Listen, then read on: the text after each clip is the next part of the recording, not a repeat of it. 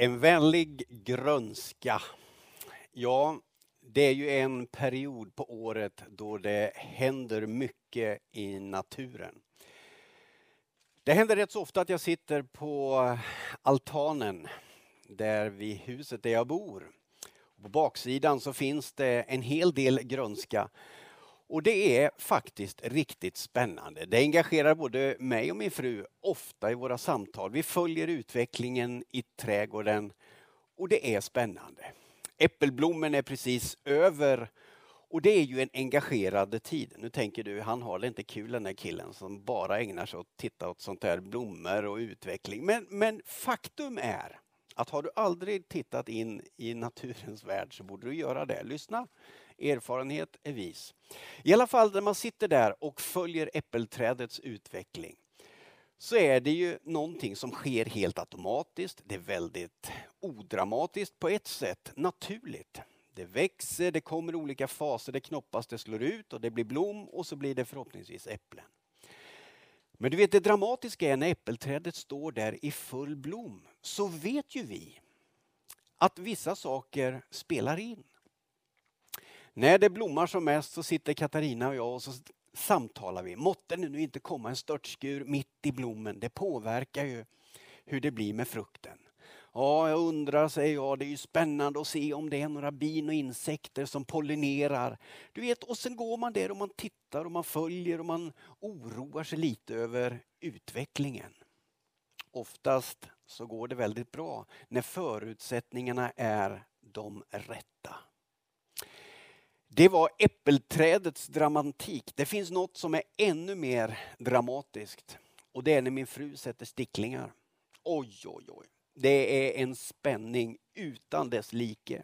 Ni vet sticklingar, man tar ett blad, man sätter det i vatten och så bildas det ett litet rotsystem och så ska det sättas i små krukor. Och jag ska säga, det är drama på hög nivå. För det är inte bara så där att man sätter dem i jorden och sen så lämnar man dem på sitt öde där i köksfönstret. Nej, nej.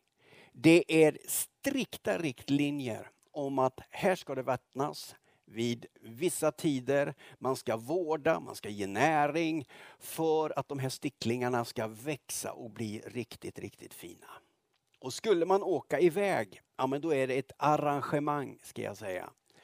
För man kan ju inte lämna de här blommorna utan vatten. Så det gäller att engagera grannskap, släkt, vänner och alla man kommer åt för att sticklingarna ska leva. För de måste ju ha vatten. Ja, du har just fått en inblick i Särnholms liv. Kul, spännande, givande, ja om man gillar växter. Men det finns någonting att lära av detta. I eh, Moseboken så kan vi få följa livet runt Israels folk och ledaren Mose. I eh, femte Mosebok, det trettionde kapitlet, så är det ett rätt dramatiskt avsnitt. Bibeln framstår inte som luddig i det här sammanhanget utan rakt ut i ansiktet så får man höra om liv och död. Mose får till sig egentligen ett budskap som är rätt så enkelt. Du kan välja mellan ett gott och rikt liv eller ett liv som präglas av död och olycka. Jag skulle ju kunna välja att idag predika om vad som gör att livet blir fullt av död och olycka. Men jag väljer att inte göra det. Utan jag ska välja det positiva anslaget som Mose får till sig. Det som faktiskt bäddar för liv och glädje, utveckling och tillväxt. För det är ju det som du och jag längtar efter. Det är det som du och jag som människa faktiskt behöver. Förutsättningarna finns om du och jag tar till oss det. Så här står det i femte Mosebok. Det trettionde kapitlet och i början på vers 20. Det är kort, det är koncist och det är helt avgörande. Mose, du ska älska Herren, din Gud. Lyssna till honom och hålla dig till honom. Ty detta, det ger dig liv. Punkt. Du ska älska Herren, din Gud, lyssna till honom och hålla dig till honom.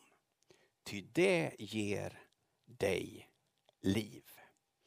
Får jag be en bön inledningsvis innan jag bara delar några minuter av det som ligger på mitt hjärta.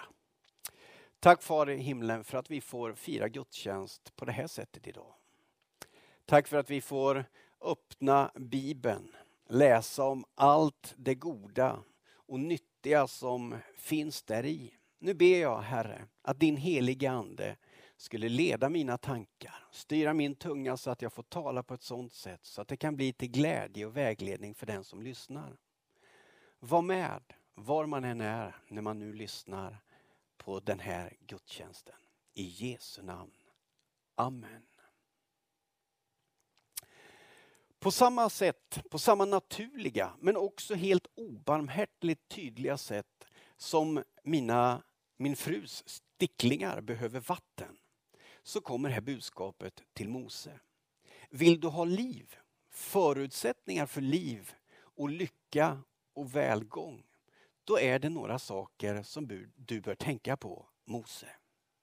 Du ska älska Herren, din Gud.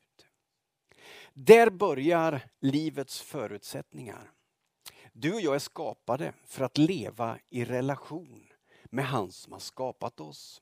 Jag vet man kan ha olika diskussioner om det där, hur vi kom till. Men jag är helt övertygad om att Gud existerar. Han skapade livet och det finns en mening. Förutsättningen är den att du och jag, vi mår bäst i den miljön.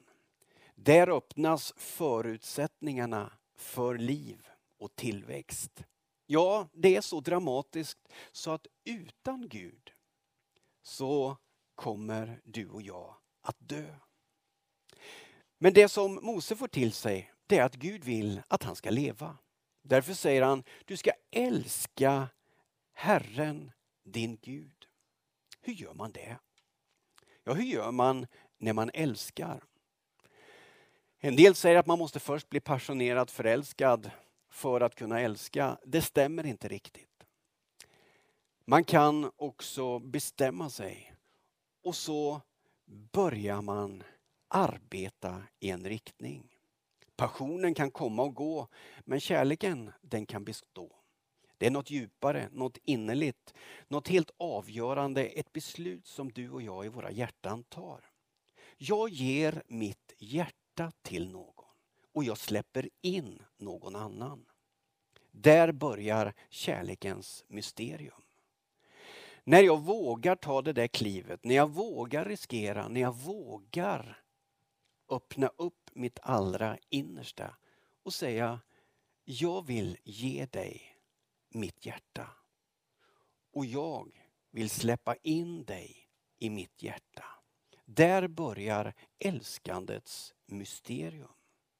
Det handlar också om att jag då bryr mig om. För det jag älskar, det ser jag. Det vårdar jag, det tar jag hand om. Det är jag rädd om. Det är liksom kärlekens DNA. Jag är inte vårdslös med det jag älskar.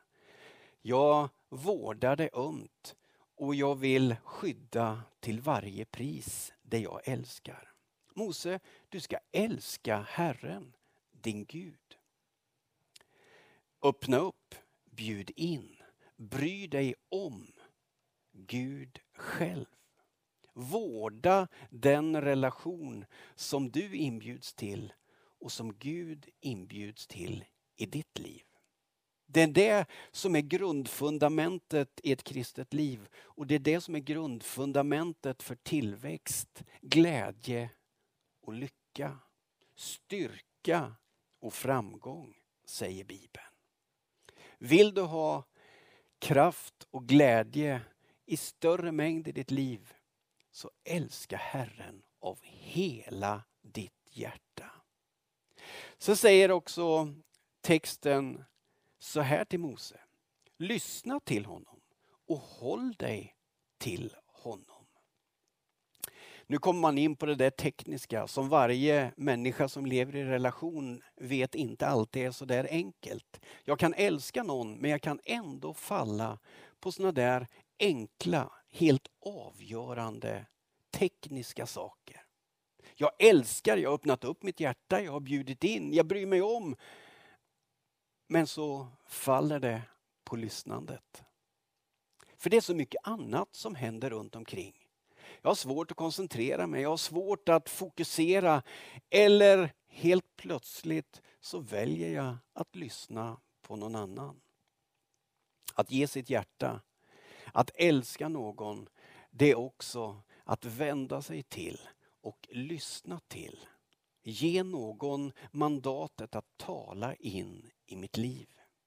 Jag lyssnar, jag lyssnar och jag gör något med det jag hör. Det bara cirkulerar inte igenom huvudet eller rakt igenom och sen ut. Nej, jag hör och jag gör. Det är det som Mose får till sig. Älska Gud av hela ditt hjärta. Älska din Herre. Lyssna till honom och håll dig till honom. Det handlar om att lägga vikt vid det jag hör. Utvärdera, tänka, fundera, bearbeta för att sen göra någonting av. En eh, vishet som man får om man är en god man när man har en kvinna att lyssna till. Det är ju faktiskt att både höra men sen processa, komma ihåg och göra av. Det är en lurig fälla att höra och sen inte bry sig och sen glömma. Det kan skapa stora problem. Inte minst när det gäller sticklingarna. Jag kan ju höra att jag ska vattna, jag kan eh, lyssna men jag kan också glömma och ägna mig åt annat. Det är början på en mycket kall helg kan jag säga. Men jag kan också lyssna, ta till mig, påminna mig om att detta ska jag inte glömma för att sen sköta det där förtroendet jag har fått. Det är början på en bra helg. Det är också så när det gäller gudsrelationen. Jag kan lägga vikt vid, jag kan engagera mig, jag kan försöka uppfatta och göra något av det jag hör. Där börjar livet. Ty detta ger dig liv, säger texten till Mose. Det betyder att du får den kraft du behöver för att växa. Växa är naturligt, för allt som har liv det växer till. Och det är det Gud vill. Han vill att du och jag ska växa, att vi ska bära frukt, att det som är gott ska synas i våra liv. Så till den milda grad att också andra kan se det. Det är liksom skapelsens DNA. Sen finns det en tillvaro som ständigt hotar livet. Och i värsta fall kan det leda till död.